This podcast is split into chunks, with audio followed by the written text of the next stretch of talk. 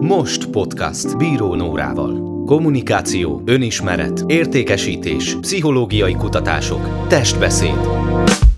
Erről beszélget Bíró Nóra, a Most Master of Sales Training alapítója meghívott szakértő vendégeivel. Egy podcast, ahol te vagy a központban. Most podcast Bíró Nórával. Hogyan lépjünk szintet a karrierünkben? Mikor jön el az a pont, hogy érdemes váltanunk? Mi a különbség, ha magas pozícióból hosszú eltelt évek után váltanánk, mintha azt akár pár év után tennénk meg? Többek között ezekről is beszélgetünk ma. Podcast témánk karrierváltás. Meghívott vendégem Óhidi Zsuzsanna, aki jelenleg a Madame Tissot Budapest COO, azaz Chief Operating Officer-je. Korábban több mint két évtizedet a Markard Media Magyarország vezetőjeként tevékenykedett, valamint a Management Board tagjaként is szerepet vállalt. Sok szeretettel köszöntelek, Zsuzsi! Szia, sziasztok! Én is köszöntelek téged is, meg aki hallgatja a műsort, azt őket is. Na hát kezdjük is rögtön a közepén, hogy hogyan és mikor jött az életedbe a váltás gondolata, azért több mint húsz év, az nagyon, nagyon hosszú idő. Hát húsz év az tényleg elképesztően hosszú idő, úgyhogy mindenki tudhatja, hogy rögtön óvoda után elkezdtem dolgozni. Nagyon nem persze, ez csak vicc. Szóval igen, 20 év, egyetlen mentségem van erre, hogy a Marquardt Média egy olyan cég volt, ami ugye média cégként rengeteg lehetőséget adott arra, hogy különböző pozícióban, különböző területeken kipróbálhassam magam és az utolsó nyolc évben voltam ügyvezető, de voltam hirdetési igazgató, voltam alapigazgató, szóval ez egy nagyon színes terep volt. De ugye az, azt mondjuk lehet tudni, hogy a COVID ideje alatt a média szektort, különösen azokat a vállalkozásokat, akik hirdetési árbevételből éltek, nagyon-nagyon érzékenyen érintette a válság. Úgyhogy sok kihívás volt az elmúlt húsz évben a kiadó életében, de a COVID alatt helytállni, azon átvezetni a céget, és talpon maradni, és aztán egy újra pozitív 2021-es évvel zárni, hát ez egy nagyon kemény menet volt, és a Covid alatt ugye amúgy is szerintem sokan feltettek maguknak sok kérdést az életükkel kapcsolatban, azért nagyon sok mindenre rávilágított és ki kényszerített bizonyos válaszokat, akár magánéleti, akár családi, akár szakmai területeken. Mindenki egy kicsit kénytelen volt megvizsgálni, hogy hol tart, jó-e, hol van, van-e még ott, ami tudja tölteni, van-e még ott úgymond dolga, vagy ő-e az, aki a legtöbbet tudja hozzátenni.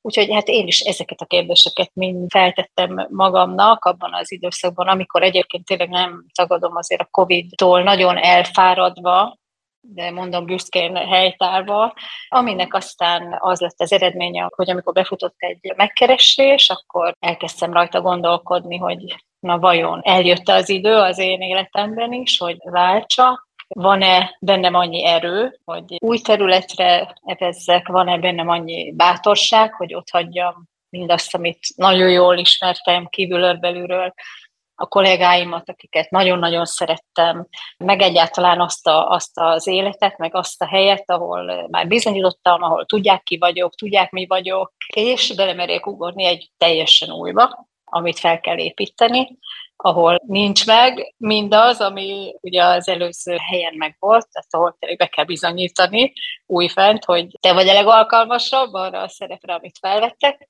Úgyhogy hát persze ott is sok kérdést kellett föltenni, de végül úgy döntöttem, hogy igen, erős vagyok, bátor vagyok, és akarok valami újat, úgyhogy ennek lett az eredménye az, hogy most pedig már ezen a fantasztikus Madame Tussauds Budapest projekten dolgozhatok. Igen, majd azért ehhez is lesznek kérdéseim így a jelenlegi munkáthoz kapcsolódóan, de egy kicsit még visszakanyarodva, akkor mondhatjuk, hogyha ha jól értettem, amit mondtál, hogy mind külső, mind belső dolgok kellettek a változáshoz. Tehát ugye a külső körülmény, ugye, hogy hozta magát ez a tényleg nem mindennapi helyzet a, a COVID, és a belső azok a bizonyos kérdések, amiket magadnak föltettél. Van olyan kérdés, vagy vannak olyan kérdések, amiket így kihangosíthatunk? Tudom, hogy ez egy nagyon személyes dolog, amiről beszélgetünk, úgyhogy nyugodtan mondj nemet, hogyha valami olyan, de hogy szerintem nagyon sokan vannak abban a helyzetben, hogy lehet, hogy beragadtak valahol, vagy egyszerűen csak karrierugrásra vágynak, vagy valami másra, változásra, vagy egyszerűen, ne, nagyon egyszerűen lehet, hogy nem jönnek ki a fizetésükből, vagy nem érzik, hogy árértékarányban annyit kapnának, vagy akár új vezető jött, ugye ez is gyakori váltások, lehet mondjuk egy ilyen külső, de hogy milyen belső, belülről jövő kérdések jöttek föl nálad? Hát itt szerintem ez az egész egyébként nagyon nagyban összefügg azzal, és most nem akarom az életközepű válságot túl hangsúlyozni, de azért én akárhogy is nézzük, 47 éves vagyok, úgyhogy remélem, hogy nem teljesen az élet közepén, de azért nagyjából ott tarthatok, és ez való igaz egyébként, hogy, vagy legalábbis az én életemben igaz volt, hogy, hogy sokkal nagyobb ilyen egzisztenciális kérdések kezdtek el foglalkoztatni, és ez egy dolog, hogy elégedett vagy van-e kihívás, túl sok a kihívás, túl kevés, van-e bizonyítási kényszered még, hol akarsz fejlődni, tehát, hogy ezek így mind előjöttek magánéletileg. Én nekem egy nagyon szuper családi hátterem van, én nagyon elégedett vagyok így a, a magánéletemmel. Nagyon ragaszkodom ahhoz, hogy ott jelen tudjak lenni, az működjön, és például nekem a COVID erre nagyon ráerősített, hogy én ezt elképesztően értékelem hogy ez a fajta egyensúly megvolt nekem, és szerintem ilyen, ilyen egyensúlyi helyzetekben nehezebb egyébként nagyot lépni, de leginkább ugye a mézes madzag, amit hogyha elhúznak előtted, hogy arra nyitott vagy, ezt keresed, meghallgatod, mert azért nagyon hiszek abban, hogy, hogy az ember bevonz így magához dolgokat, hogyha ha elkezd egyszer csak nyitott lenni. Úgyhogy így összességében ezeknek a kombinációja volt, ami én bennem mozgott. Elkezdtem egyébként könyveket olvasni erről a, az életút felén, tényleg mik merülnek fel, és ezek tényleg ilyen komolyabb kérdések amiket felteszel magadnak, mert ugye az azért extra lehet ijesztő, hogy ezt csináltam 20 évig, és akkor vajon még 20 évig ezt fogom csinálni? Uh-huh. És akkor ez különben simán benne lehetett volna a pakliba, én úgy gondolom, de, de aztán mondom, én nekem jött egy lehetőség, ami teljesen más megvilágításba helyezte a, az akkori jelenemet, és persze akkor már elkezd az ember gondolkodni, és akkor ott kell egy mély levegőt venni, hogy jó, oké, okay, kiugrok. Na, hát engem érdekel, hogy abban a percben, amikor jött ez a lehetőség, akkor mi volt az a, hát ahogy te mondtad, a mézes marcak, hogy mi volt az, amire azt mondtad, hogy na igen, ez valami több, ez izgalmas, ez jó, ez megér egy, egy, egy váltást. És ráadásul ennyi idő után, tehát hogy mi volt az, amitől a Madame Tissot Budapest ennyivel többet tudott, és már csak azért is érdekel ez, mert azért, hogyha belegondolok, akkor hát téged azért jól ismertek már akkor is, a megelőző időben is, tehát szépen végigjártad, amit végig kell járni. Gondolom, hogy nem ez volt az első megkeresésed, de ez volt az első, legalábbis ezután, amire azt mondtad, hogy igen, mehet. Tehát mi volt az, amit, amit tudott akkor a Madame Tussauds? Hát itt ez, ez egy nagyon sokrétű. Egyébként nem mondom azt, hogy többet tud, hanem nagyon mást tud. Uh-huh. Ugye, tehát ez egy más iparág, ez, ez a turizmus, amiben egyébként megmondom őszintén, akármilyen nehéz helyzet, most ugye azért ezt az iparágat a Covid is ütötte, most üti a geopolitikai helyzet, üti az energiaválság, a gáz, tehát hogy itt minden nagyon nehéz, ugyanakkor mégis annyi szépsége, meg izgalma van ennek az iparágnak is, hogy ez nekem nagyon-nagyon nagyon vonzó volt, és ugye a média mellett ez ez a másik olyan iparág, ahol szórakoztatni tudsz, ahol az emberek idejét teszed értékesebbé, és ugye még egy közös pont, hogy én a Márkvárnál is nagyon-nagyon klassz brendekkel dolgoztam, rengeteg nemzetközi márkának az életébe volt lehetőségem belelátni, ugye itt ez a Madame Tussauds is egy elképesztően erős, nagyon értékes márka, ami 250 éves is elmúlt, ugye van egy nagyon erős franchise partner, ez a Merlin Entertainment, akik a világ második legnagyobb szórakoztatóipari vállalata, ők tudják azokat a kereteket, amiket én őszintén nagyon szeretek megtapasztalni, meg megtanulni, Úgyhogy ez mindenképpen vonzerő volt, de vonzerő volt egyébként a projekt mögött álló tulajdonosi kör is. Ők már nagyon sokszor bizonyítottak, nagyon erős vállalati csoportról van szó, egy inspiráló tulajdonossal, tehát hogy itt sok mozaik jött egybe, aminek gyakorlatilag tényleg jól összeillettek a darabjai, és egy számomra nagyon tetsző képet adtak ki. Nagyon kíváncsi vagyok arra, hogy amikor még csak fontolgattad a váltást, akkor a környezetet hogyan reagált. Mind szakmabeliek, akiket beavattál ebbe, mind a magánéletben családtagok. Inkább többen voltak, akik rábeszéltek, vagy inkább lebeszéltek, vagy ráthagyták, mert azt gondolom, hogy nagyon sokszor a döntésünket befolyásolják, vagy szeretnék befolyásolni a körülöttünk élők. Aha, ez egy jó kérdés egyébként.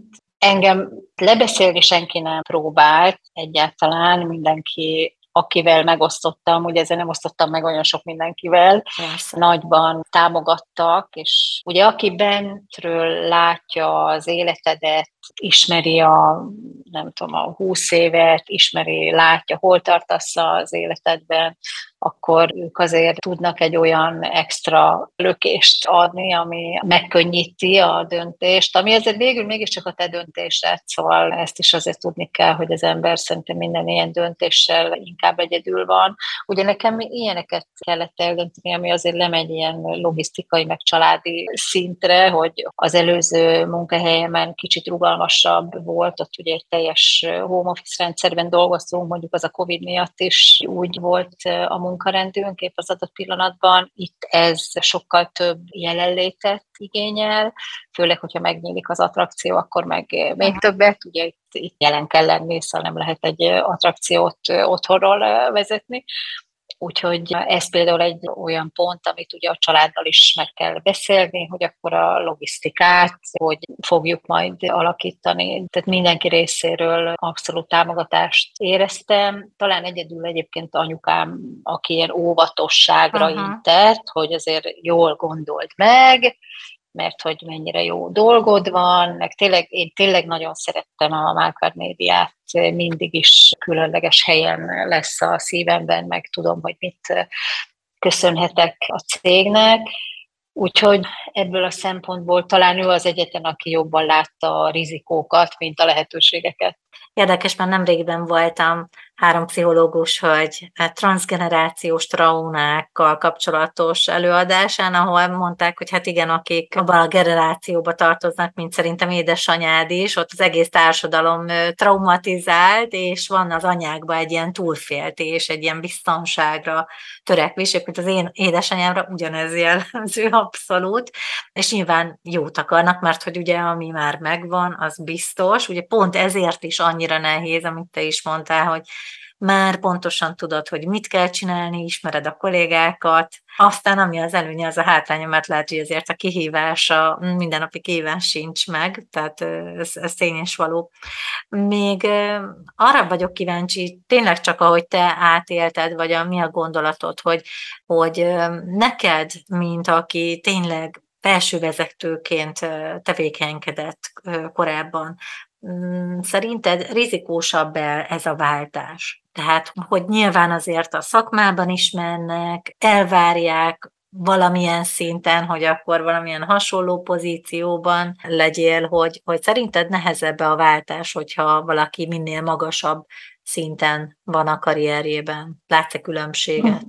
Nehéz erre válaszolni, megmondom őszintén, mert ugye ez nagyban függ attól, hogy mennyire vagy szem előtt, nagyban függ attól, szerintem, hogy mennyire hiteles a váltásod. Most nem tudom, hogy ez így érthető-e, de Abszolút. hogyha tényleg így meg tudod magadnak is indokolni, meg ez, ez egy igaz történet, akkor, akkor nem gondolom, hogy ez egy nagyobb rizikó. Nem, nem, én nem érzékelem úgy, hogy, hogy persze az nagyobbat szól talán, mondom, ez az egyetlen, hogy jobban szem előtt vagy, és akkor mindenki gondol valamit. Inkább az, hogy tehát abból a szempontból nehezebb talán, hogy milyen elvárásokat kell menedzselni az új helyen. ugye, hogy, és ezt már mondtam többször, hogy kilépsz egy olyan közegből, ahol bizonyított ahol pontosan tudtad, mennyit érsz, és belépsz egy olyan helyre, ahol még nem tudják, tudják, mert valamiért téged választottak, de azért itt napi szinten ez egy komoly bizonyítási munka az elején, hogy, hogy ők tényleg úgy gondolják, hogy na, jól döntöttünk, tényleg ők kellett nekünk, és ebben nagyon sok energiát bele kell rakni. És ami érdekes, legalábbis nekem az a tapasztalatom ilyen saját váltás kapcsán, hogy, hogy nem csak, hogy nekik akarunk bizonyítani, hanem magunknak is, hogy aztán vállon veregethessük magunkat, hogy jó, jó, jó, hát akkor ez egy, mégiscsak egy jó döntés volt, így visszagondolva, ha ezt meg tudod te is erősíteni. Meg, persze, abszolút, abszolút. Ez magadnak is ugyanúgy kell, hogy bizonyíts, bár én különben hiszek abban, hogy dönteni a legnehezebb, és akkor utána, ha megvan a döntés, akkor tényleg az univerzum így berendezi a dolgokat abba az irányba, hogy, hogy támogasson mindenkit a, a váltásban. Én úgy gondolom, hogy, vagy úgy látom, hogy nálam is így történt, úgyhogy igazából tényleg nem, nem is nagyon kell visszanéznem, nincs semmilyen hiányérzetem, szóval tényleg abszolút tudok itt a, a, az új feladatra, meg kihívásokra koncentrálni. Én nem mondom, hogy nem volt egy kis légüres tér, amibe kerültem, ugye amikor oda már nem tartoztam, ide még nem tartoztam, mert hát ennek idő kell, szóval nem, nem úgy működik ez, hogy beülsz, és egyszer csak már meghatározó része vagy a csapatnak, meg tehát azért meg kell dolgozni, ott főleg úgy, hogy nálunk most épül a csapat, szóval, hogy ez egy ilyen különleges helyzet, de ezek mind egyébként nagyon klassz dolgok, amikről sokat lehet tanulni. És akkor még egy gondolat, hogy szerintem nekem ez ilyen nagyon jó időben jövő uh-huh. váltás. Tehát nem vagyok benne biztos, hogy mondjuk öt évvel ezelőtt ezt így meg tudtam volna ugrani, mert nekem ehhez így nagyon kellett, hogy tényleg így a helyén kezeljem magam, tudod, amikor bejössz egy csapatba, főleg ami már mondjuk három éve áll, és inkább itt most a projekt előkészítő csapatról beszélek, akik nagyon régóta dolgoznak ezen az egészen, sok közreműködő van, sok együttműködő, akik mindent megtettek már eddig is azért, hogy ez egy szuper dolog legyen.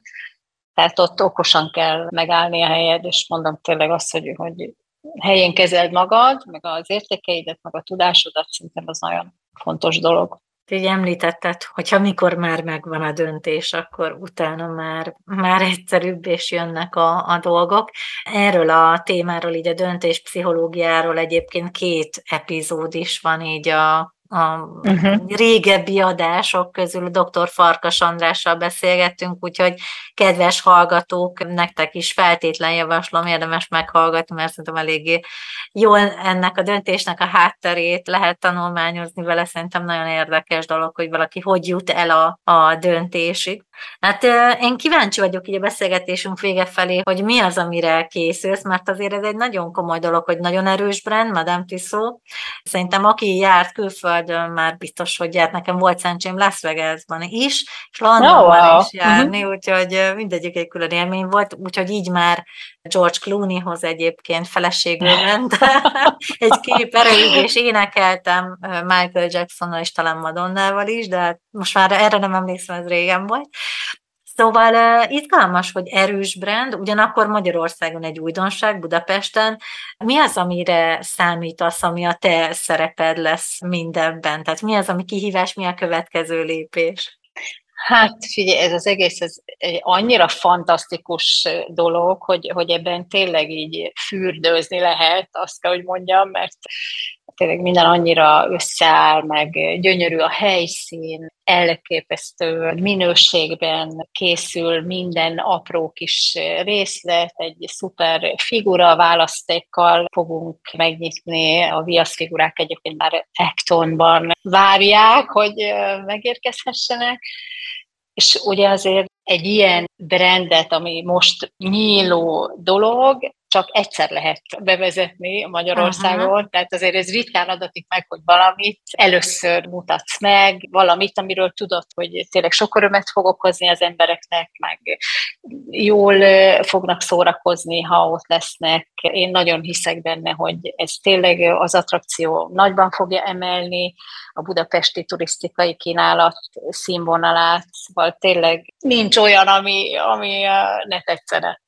Hát nagyon izgalmas, meg várjuk már lehet nyitási dátumról beszélni, mert azt, azt, ha jól tudom, akkor a Vörös Marti tér környékén lesz. Igen, nagyon központi helyen lesz az attrakció itt a belváros szívében, és a nyitás az 2023 tavaszára van időzítve.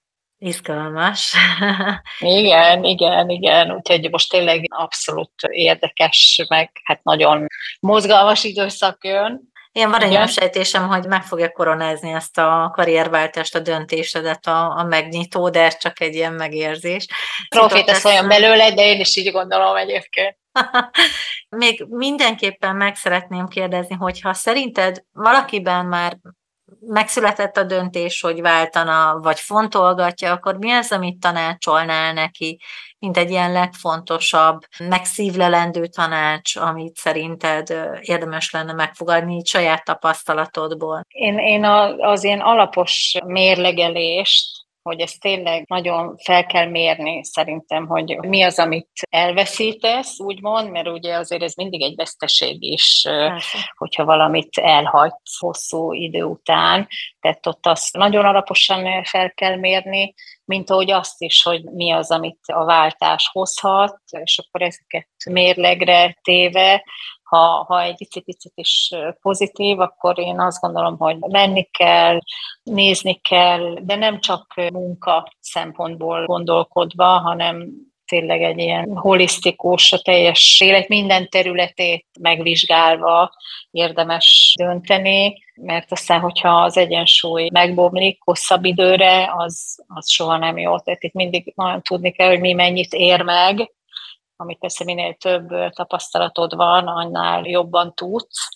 Úgyhogy ebből a szempontból szerintem kicsit könnyebb, tapasztaltabban dönteni, amikor már tényleg ismered ennek annak az áldozatnak a másik oldalát, az értékét, ugye minden sikert csak az érte hozott áldozatok fényében lehet mérni, ez egy nagyon fontos mondat szerintem.